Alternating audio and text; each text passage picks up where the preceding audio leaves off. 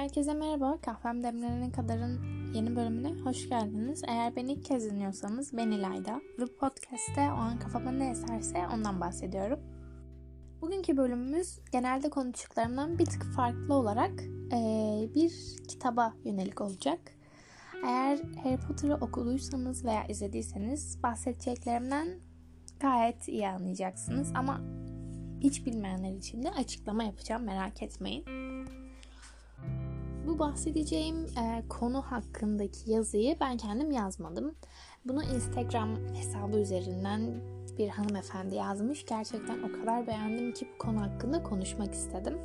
Bu bölümü yayınladıktan sonra Instagram hikayelerimde postu da büyük ihtimalle paylaşırım. Oradan özüne de ulaşabilirsiniz.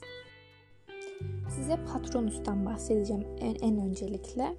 Patronus ruh emicilere karşı kendinizi korumak için yapabileceğiniz en güçlü sihir. Yapması bir o kadar zor olmasına rağmen daha güçlü bir silah elde edilmemiş maalesef ki. Ruh emiciler ise insan mutluluğundan beslenen, tüm yaşama sevincinizi, tüm umutlarınızı bir anda söken yaratıklar sanırım bu şekilde açıklamam doğru olur. Bunlara karşı da yapabileceğiniz en güçlü sihir kendinizi korumak için Patronus. Patronus sizin mutlu anılarınızdan oluşuyor. Gerçekten çok mutlu olduğunuz bir anı düşündüğünüzde sanki tekrar oradaymış gibi sadece bir şey hissettiğinizde belirir ve Patronus sizi korur. Ee, Harry'ninki bir geyikti mesela. Tüm o narin görüntüsüne rağmen çok güçlü bir patronustur ve Harry'i nelerden nelerden korumuştur. İzleyen ve okuyanlar, izleyenler ve okuyanlar şu an benim ne demek istediğimi çok iyi anlıyorlar. Ama bence sizin patronusunuzun bir geyik olmasına gerek yok. Ya da bilmiyorum böyle çok sihirli bir e, ortama da gerek yok. Bence patronusu e, kendi günlük hayatımızda da kullanıyoruz. İlla ki Hogwarts'ta olmamıza bence e, gerekmiyor.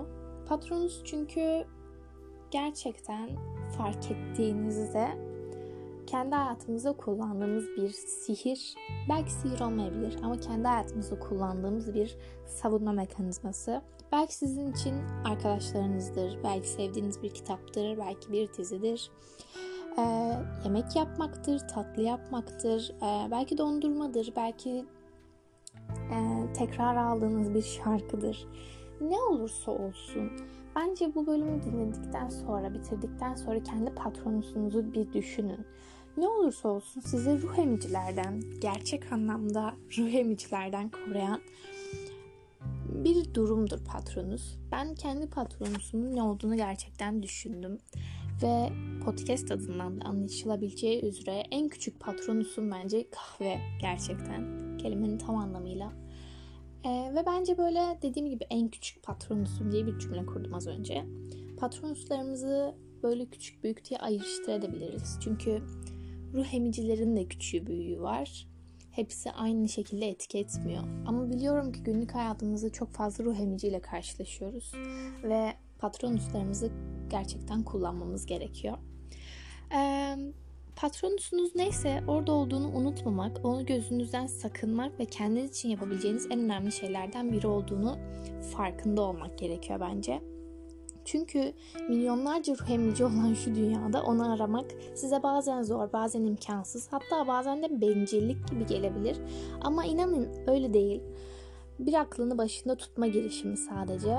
Birbirimize hatırlatalım patronus olduğumuzu. Belki siz de birisi için patronussunuzdur. Kim bilebilir. Ee, kısa bir bölüm oldu ama tatlı bir bölüm oldu diye düşünüyorum. Kendinize iyi bakın. Hoşçakalın.